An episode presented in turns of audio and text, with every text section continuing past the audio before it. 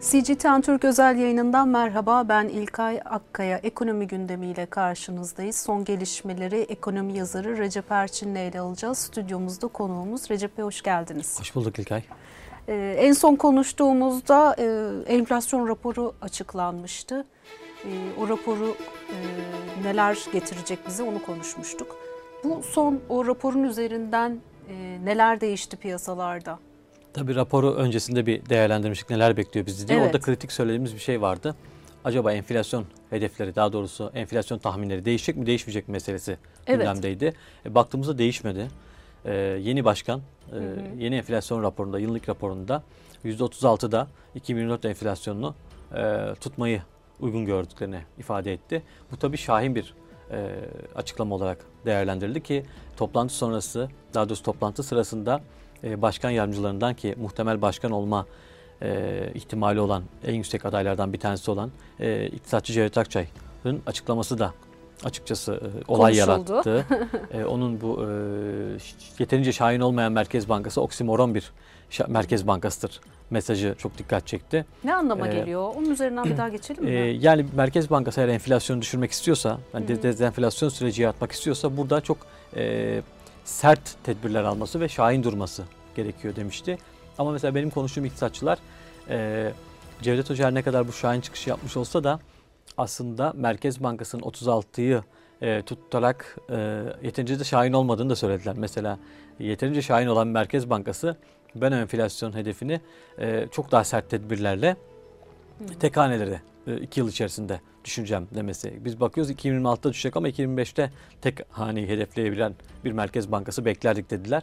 Tabii orada e, Cevdet Hoca'nın e, son 7-8 aydır ancak piyasanın kopan e, bağlarını toparlamaya çalışıyoruz diye. Çünkü parasal aktarım mekanizmasında ciddi sıkıntı var KKM yüzünden. Sana da daha önce geçen Evet. yayınlarda da burada dinleyicilerimize izleyicilerimize aktarmıştık. Orada e, KKM'nin yarattığı bir e, mekanizma var. O mekanizma parasal aktarımda doğrudan Merkez Bankası'nın uyguladığı politikaların işlevliğini azaltıyor. E, bakıyorsunuz şimdi nedir? E, e, Merkez Bankası faiz artırıyor.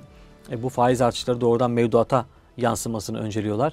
Fakat e, bu kadar faiz artmasına rağmen yani faiz 45'lere gelmesine rağmen biz mevduat faizlerinin hala 35-36'larda 32'lerde olduğunu görebildik mesela. Yani 40'ların üzerine çıkması gerekirken daha sonra e, bankalara zorunlu karşılıklar tarafından bir adım attılar ve e, mevduat TL mevduatlarının zorunlu karşılıklarına Merkez Bankası faiz vermeye başladı. Bu da nedir? Bankaları biraz daha fazla mevduat faizini artırın ki vatandaş daha çok TL'ye dönsün. Ee, geçenlerde Akbank'ın e, genel müdürüyle yapılan toplantıda Kaan Gür Beyefendi de aynısını ifade etti. Bu faiz seviyesi CGTN'de de e, yazdık bu meseleyi. Okurlarımız takip etmiştir. Orada e, bu faiz e, oranı e, KKM'lerin e, TL mevduata dönmesi noktasında yeterli bir seviyedir e, mesajını vermişti. Şimdi enflasyon raporunda birkaç tane kutu var. 7-8 tane kutu var. Konut çok gündeme geldi. İşte konutla Evet. ilgili öneriler. E, Çünkü konut fiyatları, kira fiyatları enflasyonu doğrudan etkiliyor. E, piyasada bozulan fiyatlama algısı var. Fiyatlama algısı hala tam oturabilmiş değil. O yüzden Merkez Bankası'nın e, şöyle bir algısı vardı. Başkan değişikliği sonrası acaba bir politika değişikliği gündeme gelecek mi gelmeyecek mi diye mevcut başkanın FED'den gelmiş olması bir politika değişikliği olmayacağını aslında bize göstermişti ama bunun kanıtlanması enflasyon raporuna kalmıştı. Nitekim enflasyon raporunda da bu gösterilmiş oldu. E, tabii e, yeni ekonomi yönetiminin başta iş başına gelmesiyle beraber faiz artırımlarının kademeli devam etmesi, kademeli gelmesi piyasayı çok fazla sıkıp boğmamak için çünkü yerel seçimler var. Ne kadar e, Cumhurbaşkanı Yardımcısı Cevdet Yılmaz yerel seçimler makro politikaları etkilemeyecek dese de Dese de, evet. e, sonuçta vatandaşın ekonomik durumu e, parasal sıkılaşmanın miktarsal anlamda da sıkılaşmaya gitmesi vatandaşın daha az cebine para girmesi ve ödeme zincirinin kırılması tehlikesi gündeme gelebilir böyle keskin süreçlerde. O da doğrudan piyasayı etkiler ve sandığa yansırdı. Çünkü ekonomik krizin, e, ekonomik zorluğun bir faturası olacaktı. Bu fatura e, genel seçimlerde bir miktar kesildi ama yerel seçimlerde daha büyük kesilebileceği konuşuluyordu siyasetçiler tarafından. E, ben de benzer bir görüşteyim. Hani tencere iktidarı devir söylemi vardır ya. Evet. O genelde böyle hep e, gündeme getirilir. E, ama vatandaşı sıkmayacak, piyasayı sıkmayacak, ekonomiyi tam anlamda stop ettirmeyecek, ekonomi motorunu stop Tencere ettirmeyecek. kaynıyor yani. Tencere ufak tefek de olsa kaynamaya devam ediyor. İşte kredi kartları şişmeye başladı. Tam tencere demişken e, bu yani ekonomi politikaları üretici ve tüketicide e, nasıl bir karşılık buldu? Şimdi biz May- en son raporda Mayıs ayında e, enflasyonun pik yapacağını e, beklentisi ortaya çıktı. E, Şimdi üretici anlamında baktığımız vakit e, Türkiye'de işletmenin çok büyük bir kısmı işletme sermayesi düşük. hı hı. Dolayısıyla işletme kredisi kullanıyorlar. İşletme kredileri kullanırken de bunlar e, şu anda yüksek faizle maalesef e, baş başa kalıyorlar. Aslında Evet. Sayın Cumhurbaşkanı'nın e, faiz enflasyonun sebebidir. Tezinin de bir dayanağı bu. Yani Sayın Cumhurbaşkanı orada haksız değil. Bir nebze haklılığı var. Niye haklılığı var? E, bu işletme kredilerinin e, faizi yüksek olursa e, doğrudan işletmenin kullandığı kredilerin o faiz maliyeti ürünlere yansıyor. Hı hı. Maliyet anlamında. E, yansıyınca tabii haliyle enflasyonist bir etki yaratıyor. Ne kadar orada faizler düşük olursa e, daha ucuz uygun üretim yapmış oluyorlar. Çünkü Türkiye'de maalesef bizim şirketlerimizin öz sermayeleri düşük. Son birkaç yılda arttı. Artmasının nedeni de tamamen düşük faiz politikası sayesinde oldu ki bugün şirketler bu zorlu döneme aslında yüksek e, öz sermayelerle girmiş oldular. O anlamda biraz iyiler. E, tüketiciler tarafına bakarsak da artan faizlerin eskiden kredi kartıyla çok daha rahat harcama yapılırken, nakit avanslar çok daha kolay çekilirken, e, sıkışılan noktada 12 ay vadeli, 24 ay vadeli e, tüketici kredilerine başvurulup e, ileride nasıl olsa düzelir 12 ay sonra 24 ay sonra Türkiye'de biliyorsunuz genelde e, hızlı bir düşüşler hızlı çıkışlar oluyor. Orada işimizi toparlarız veya atıyorum bir alacak beklentisi vardır uzamıştır hani 6 aylık kredi kullanayım öyle işimi halledeyim derken e, birden orada e, şimdi bugün kredi çekmeye kalksanız atıyorum sallıyorum yani en ufağından işte 30 bin lira kredi çekseniz şimdi bir sene sonra bunu 45 bin lira 46 Evet, bin lira olarak yüksek. ödüyorsunuz. %50 55'lerde e, eskiden böyle değildi çok daha cüzi ödüyordunuz. E, bir de bunun taşıt ve konut tarafında yansıması Hı hı. var. E, konut tarafında zaten arz sıkıntısı olduğu için birazdan geliriz belki. Evet. Ciddi bir fiyat yükselişi, maliyetlerde de artış söz konusu olduğu için es- yeni evlerde var. Eski evlerde e, raiç bedel bilmem ne denilerek, emsal bedel denilerek artırıldı maalesef. Orada da vatandaş tüketici kredisi kullanamıyor. Konut kredisi kullanmakta faizler çok yüksek. Çünkü birinin üzerinde olduğu zaman e, konut kredisi faizleri aylık e, vatandaş almıyor şu an. Dörtlerde, dört buçuklarda. Yani konutta biraz daha belki e, uygun şeyler olabiliyor kampanyalar ama e, taşıtta da benzer süreçleri yaşadık gördük. Taşıtta hala uygun var çünkü orada e, otomobil firmaları e, satışların düşmemesi için e, kendi opsiyonları kullanıyorlar. E, çeşitli taşıt kredileri kampanyaları falan yapılıyor. E, vatandaşa da yansıması böyle oldu. Yani ilave bir talebi burada kısma Şimdi noktasında. tam vatandaş ve kredi meselesi deyince kredi kartına ilişkin de e, bir düzenleme yapılması bekleniyor.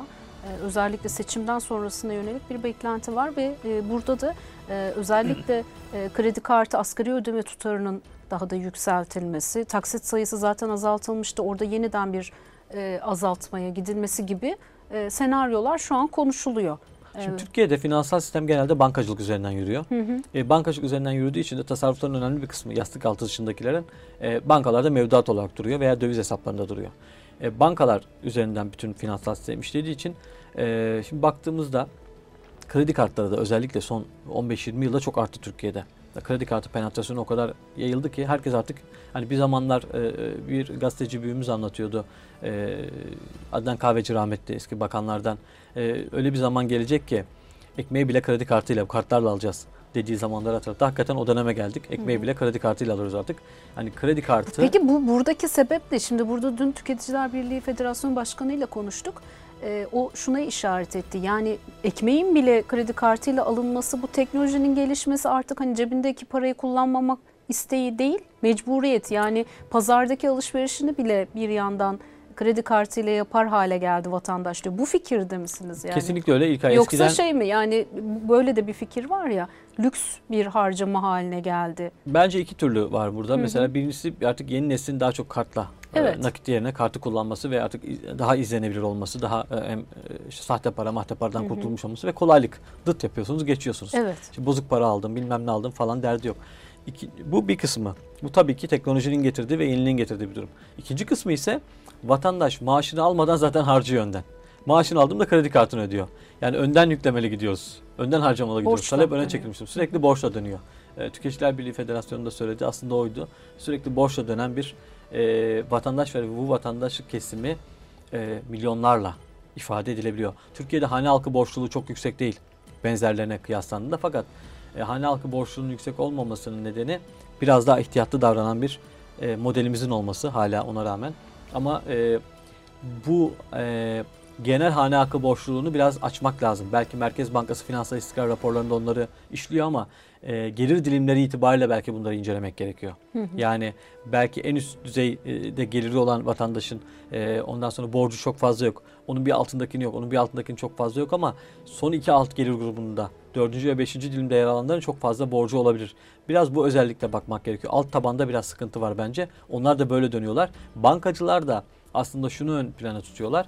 Diyorlar ki Türkiye'de hane halkı borçluluğu çok fazla yüksek değil. E, kredi kartlarında o kadar sert bir düzenleme yapmaya da gerek yok. Belki ufak tefek yapılabilir. Ha, ne yapılabilir? İthal tüketimi özendirilmemesi için işte yapıldı zaten cep telefonları meselesinde yapıldı. Evet. Teknolojik eşyalar konusunda yapıldı. E, belki atıyorum mesela Türkiye'de geçen yıl 1 milyon e, adet e, 1 milyon adet demeyeyim de 1, 1 milyar dolarlık e, ayakkabı ithal edildi Türkiye'de. Ya, Türkiye'de ayakkabı üretimi olmasına rağmen.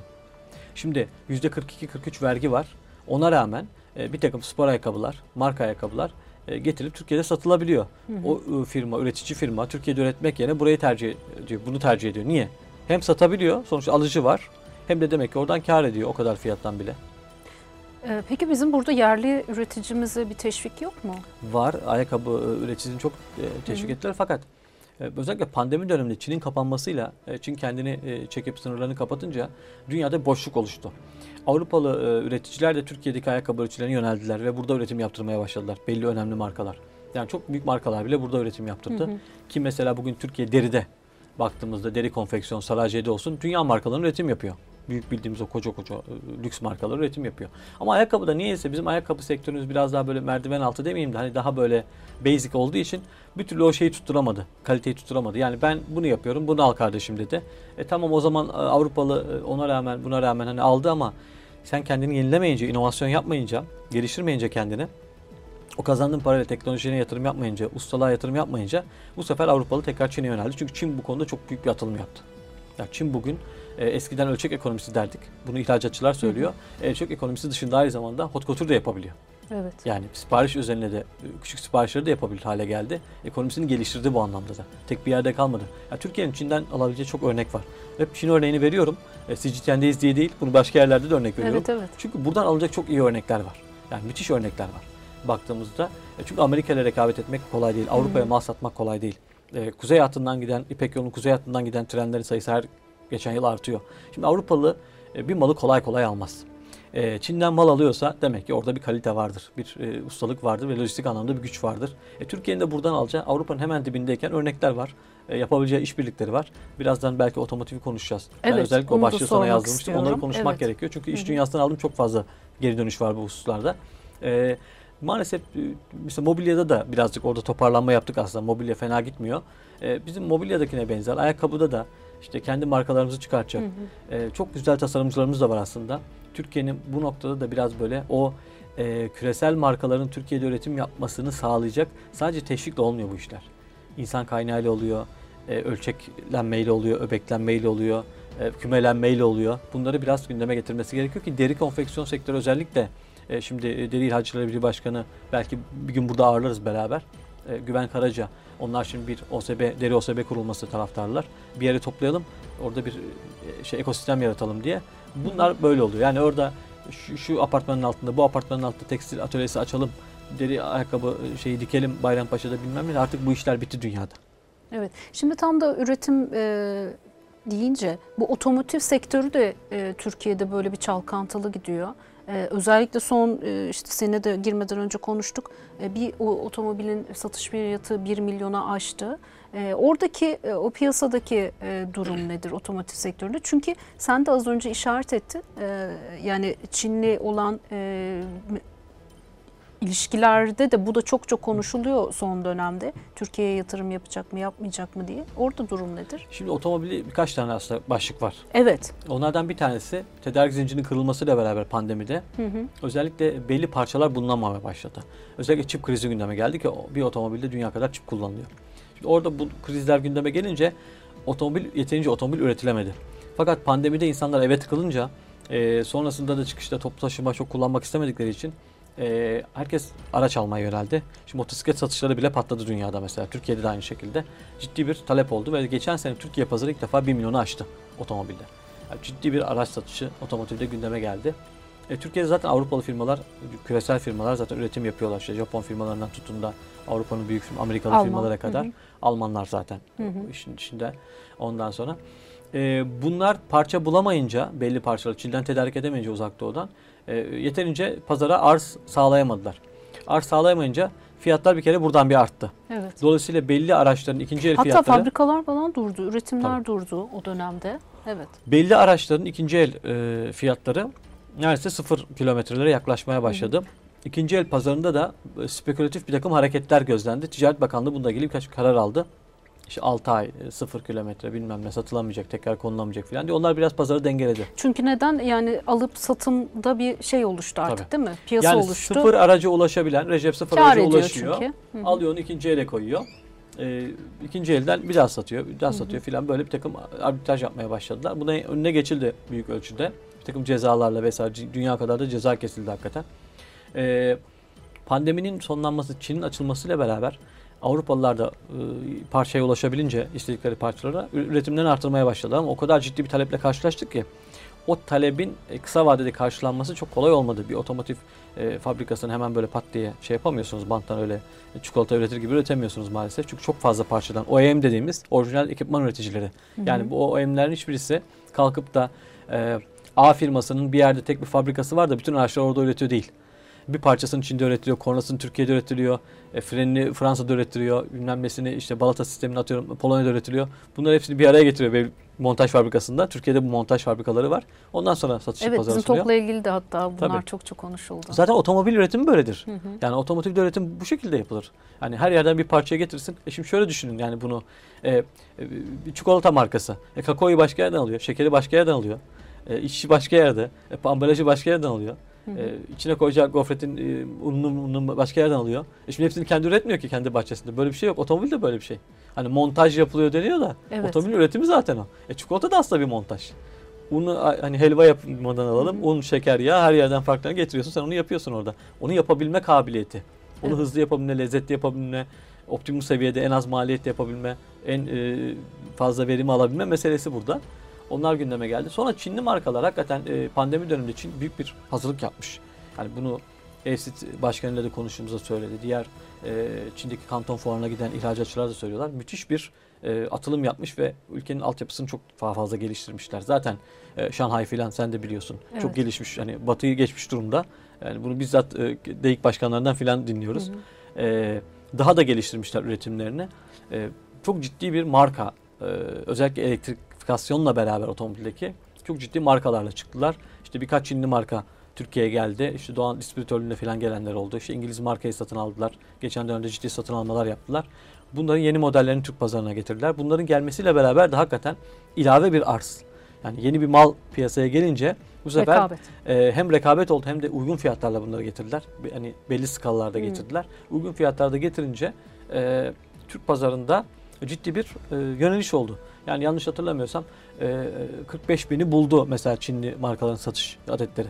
Hatta şeyde Bu sadece de Türkiye yazmıştık. için değil değil mi? Bizim bölge açısından da Çin'in e, otomobil e, şeyinde bir artış var. Avrupa'da satılan Avrupa'da her hatta. her e, 100 araçtan 9'u Çinli. Evet. Yani satılıyor. hı. Amerika'da da şu anda girmeye başladılar. Dünyanın her yerinde bu var. Yani e, bu olağan bir şey bu arada. Hani yeni bir e, ürün pazara giriyorsa e, rekab bugün işte mesela cep telefonlarını konuşuyoruz değil mi? İşte bir Güney Koreli firma ile Amerikalı firma domine ediyordu pazarı. Evet. E, sonra Çinli firmalar geldi ve birçok vatandaş aslında daha ulaşılabilir fiyatlarla cep telefonu sahibi oldu. Bilgisayarda da yine. Bilgisayarda keza oldu. Yani Teknolojik. e, Çin bu aletler. süreçte kendi markalarını daha da üst Hı hı. pozisyona çıkartan premium markalar oldu. Daha alt markalar oldu filan. Bu bir çeşitlendirme. Ee, böylece daha demokratikleşti aslında vatandaşın teknoloji ulaşımında. Otomotivde de benzer süreci yaşıyoruz şimdi. Yani şimdi tekel oluşmaması gerekiyor hiçbir Evet. yerde. Ee, rekabetin olması iyidir pazarın gelişmesi açısından. E, Çin de burada aslında Türk üreticileri güzel bir şey sağlamış oldu. Sonra bir düzenleme yapıldı Türkiye'de e, e, bahar aylarında. ÖTV özellikle. E, Çin'den uzak doğudan gelen, Çin demediler ama ona uzak doğudan gelen Hı hı. e, araçlara e, elektrikli araçlara ÖTV düzenlemesi diye. Bu çok ayarlı bir düzenleme dendi ama değildi aslında.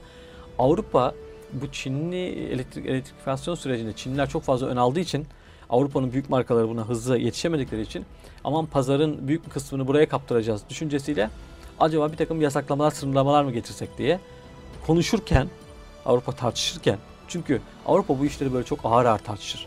Çünkü bir pazara müdahale ettiğiniz zaman birçok zinciri bozarsınız. Avrupalar enine boyuna tartıştılar. Türkiye birden pat diye böyle bir karar aldı. E, Benim o zaman konuştuğum Türkiye'deki otomotiv e, firmalarını ki bakın rak- rakip olacaklar aslında bunlar. Evet. Rakip, rakipleri geliyor ama dediler ki yanlış yaptık. E niye dedik rakip geliyor işte rakibimiz? Hayır. Buraya Çinliler gelirse pazar büyür. Erişemeyen daha çok erişir. Pazar ne kadar büyürse bizim satışımız da ondan etkilenir ve artar. Biz daha çok rekabete girişiriz. E, hatta e, Fransız bir markanın e, küresel CEO'suna sormuştum ben. Hani korkuyor musunuz bu şey için? Hayır dedi biz rekabeti severiz dedi. Daha da bizi besler ve geliştirir dedi. Biz dedi aslında olumlu da bakıyoruz. Geldi buraya yani koskoca bir markanın küresel CEO'su aynısını söyledi. Ee, burada otomotiv firmaların söylediği şu olmuştu bize o zaman. Hatta dağıtıcıların falan da söyledikleri. Ee, Çinliler Türkiye'ye yatırım yapmak istiyor. Ama belli bir pazar olgunluğuna dolaşmak istiyorlar. Yani hiçbir yerde pazar olgunluğu oluşmadan kimse yatırım yapmaz. Ve sen şimdi hiçbir mal satmadığın pazara gelip de ben buraya fabrika kurayım diyemezsin. Önce bir orada bir penetrasyon olacak, bir yaygınlığı olacak, bayi alanı olacak. Ha diyeceksin ki ben Türk en azından buraya fabrika kurduğum zaman şunun şu kadarını Türkiye'ye satabileceğim. Şu an orada durum ne? Orada şu anda durum aslında 45 binler falan yeterli değil. Bir 100-150 binlere gelmesi lazım ki Çinli araçların Hmm. Türkiye'de satış adetlerinin 1 milyonluk pazarda en azından bir %10'lara falan Avrupa'da Çünkü gelmeye kısa başladı. vadede böyle bir beklenti vardı zaten. Tabii. Evet. Ee, Şu an %4'ler 5'ler civarında. %10'lara bir gelsin, %10'lara bir geçsin. Onlar yatırım için zaten heveslilerdi. Konuşuluyordu bu arada. Büyük firmalar, büyük dev üreticiler ki dünyanın en büyük otomobil üreticilerinden bahsediyoruz yani. Bu aslında sadece bir ekonomi politikası değil, ülkeler arası işbirliğiyle de ilintili. Kesinlikle öyle. Bak Türkiye'de e, yapılan otomobil yatırımlarının, Avrupalı firmaların yaptığı, Amerikalı firmaların yaptığı yatırımlar sayesinde bugün Türkiye'de MES diye bir iş kolu var. Metal Evet. iş kolu. Sen yakından takip ediyorsun onu ve oradaki işçi ücretleri birçok yere göre daha nispeten iyi. Koşullar nispeten daha iyi. Hani bir otomotiv işçisi olmak, e, bir metal iş kolunda faaliyet göstermek başka bir şey. Bunların gelmesiyle beraber yan sanayi gelişti. Şimdi elektrifikasyonla beraber daha da farklı bir yere evrilecek. Hatta TAYSAT sürekli şunu konuşuyor. Elektrifikasyon sürecinde biz e, yedek parçacılar olarak yani yan sanayi olarak e, onlar yan sanayi demiyorken tedarikçiler diyorlar ama tedarikçileri nasıl kendimizi dönüştüreceğiz? Bu meseleyi tartışıyorlar. Buna nasıl ayak uyduracağız? Bir önce bu konuda yatırımlar yapmamız lazım diye. E şimdi bir markanın Türkiye'ye gelip bir fabrika, bir tesis kurması, oradaki teknolojiyi buraya getirmesi, bir know-how aktarması demek, e, buradaki bütün ekosistemi değiştirmesi demek. Bir de üstüne Türkiye yıllardan beri büyük doğrudan yatırım alamıyor. Yani hep konuşuyoruz ya Türkiye'de birçok fabrika yatırım Yeni iş yapılıyor. kapısı, gelirlerin yükselmesi gibi Kesinlikle değil öyle. mi? Yani. E, şu, e, bugün şey vardı işte e, Uluslararası Yatırımcılar Derneği'nin e, toplantısı vardı. İşte Türkiye'ye gelen doğrudan yatırımlar %22 düşmüş geçen sene. E, halbuki Türkiye'de e, öngörülebilirlik olsaydı yatırım ortamının hı. iyileşmesi anlamında e, belli işte enflasyonun biraz daha dizginlenmesi, kurun böyle oynamayacağının daha dengeli gideceğinin belirlenmesi. Bir de birkaç biraz teşvik ve, ve atıyorum mesela vergisel düzenlemeler konusunda biraz daha öngörülebilir politika olsaydı dedi ki hani mesela şu anda e, 6 ay öncesine göre yaptığımız raporda e, şu anda 7 milyar dolar civarında bir 7.8 milyar 7-8 milyar dolar civarında bir önümüzdeki dönemde yatırım yapmayı planlıyor. Türkiye'deki mevcut yatırımcılar bu dediği 16,5 milyar dolara kadar çıkabiliyordu. Hala böyle bir şey var, potansiyel var Türkiye'de. E şimdi bir de bir ben mesela duymuştum e, o zamanlar aylar önce bir e, OSB yöneticisinden bir Çinli marka Türkiye'de yer bakıyor. 13-14 milyar dolarlık yatırım yapacaklar. Bunlar çok büyük yatırımlar. Çok Evet. büyük istihdamlar Türkiye açısından. Yani Çinliler geliyor aman TOK'ta rekabet edecek filan. Bu- bu- Buna, buna bakmamak lazım. Bu doğru değil. Sen sen rekabetini yaparsın yani bir şekilde. Hatta e, Çinlilerle gittin işbirliği yaptın bak. TOK'ta mesela TOK'un bataryasını beraber üretiyorsun. Bu önemli bir işbirliği. Kredi anlaşmaları var Tabii mesela, kredi evet. anlaşmaları var. ICBC oradan çok ciddi krediler veriyor. Ee, As- Asya Yatırım Bankası, Altyapı Yatırım Bankası Hı hı. Türkiye'deki altyapı yatırım e, kredileri veriyor filan. İşte üçüncü köprüde gene bir takım e, kredi yenilemesi oldu. Ya, yenilenebilir enerjiye bir takım yatırımlar yapılıyor. Yatırım gelsin de nasıl gelirse gelsin mantığından koymamız lazım. Bir, iki gelirken de hani buraya ne katacak şeyine bakmamız lazım. Çünkü yatırımcı gelirken de bakıyor. Yani ben buraya bu kadar para yatırayım ama bana ne sağlayacak, ben ne kazanacağım Evet, diye de muhakkak. bakıyor. Çünkü sonuçta adam yatırım yapıyor. Para kazanması gerekiyor bu işten. Ki Çinliler şu anda olası bir Avrupa engellemesine karşı e, Türkiye'nin e, Avrupa ile olan ticari ilişkileri de dikkate alarak buraya üst kurup ki e, bu elektrikli araçların taşınmasında da bir takım sıkıntılar var. Hani batarya ayrı ve şey ayrı geliyor, e, kasa ayrı geliyor. O batarya e, uzun yollarda sarsılmasın diye bataryayı aslında yerinde üretip Hı hı. daha kısa mesafede e, satmak e, söz konusu. O yüzden elektrifikasyon sürecinde otomotiv sektörünün Türkiye'ye ciddi batarya yatırımı e, gündeme gelmişti. konuşuluyordu. Türkiye'nin ham maddeleri de var bu konuda e, madencilik alanında. E, ondan sonra e, Çinlilerin aslında böyle bir stratejisi olduğunu biz duyduk. Yani burada e, araçları getirelim, montaj yapalım bataryasını oradan Avrupa'ya satalım. Hem bu Türkiye'de iş gücü sağlar hem de Türkiye'nin bir batarya üstü olmasını da sağlar. Evet. Son sorum şu Recep Erçin. Bu e, şimdi başka ülkelerle ilişkiler özellikle son Kızıldeniz'deki gelişmeler biraz kafaları oraya da çevirdi. E, orada da işte engellemelerle e, İsrail'e yardımlar gitmesin diye çeşitli engellemeler var. E, oradaki tablo gerçekten e, çok etkili mi? Şu an bizim Türkiye ekonomisini etkiler bir duruma geldi mi? E, şöyle söyleyeyim yani e, biz ihracatçılarla konuştuğumuzda basına da yansıdı birkaç haber. E, Kızıldeniz'deki tedarin kesilmesi aslında biraz Türkiye'ye yaradı. Evet. Çünkü Türkiye Avrupa ile Çin arasındaki en büyük sanayi çeşit Hı hı. sanayi çeşidine sahip ve en büyük üretici ülke olduğu için bütün o e, gitmeyen trafikte e, mal tedariğinde aksamalar Türkiye'ye yarıyor. Nitekim Ocak ayı ihracat verilerinde filan da ufak tefek bunları e, yansımalarını Yansıma. görmeye Hı hı. e, başlıyoruz. Başladık diyebiliriz hatta. Evet. Bu alanda çokça gelişme var. Ekonomi alanında bitmek bilmeyen e, bir gündemimiz Türkiye'nin ekonomisinden dolayı. E, Bugünlük e, süremizin sonuna geldik. Recep Erçin çok teşekkür ediyorum. E, Umarım e, izleyicilerimiz açısından, dinleyicilerimiz açısından e, faydalı bilgiler paylaşmışızdır. Tekrar görüşmek dileğiyle diyelim Rica size. ederim. Sağ Herkese iyi günler. CGTN Türk özel yayınında son ekonomik gelişmeleri, ekonomi e, piyasalarındaki durumları ekonomi yazarı Recep Erçin'le değerlendirdik. Yine gelişmeleri takip edip sizlere aktarmaya devam edeceğiz. Bugünlük bize ayrılan sürenin sonuna geldik. Yeniden görüşmek dileğiyle.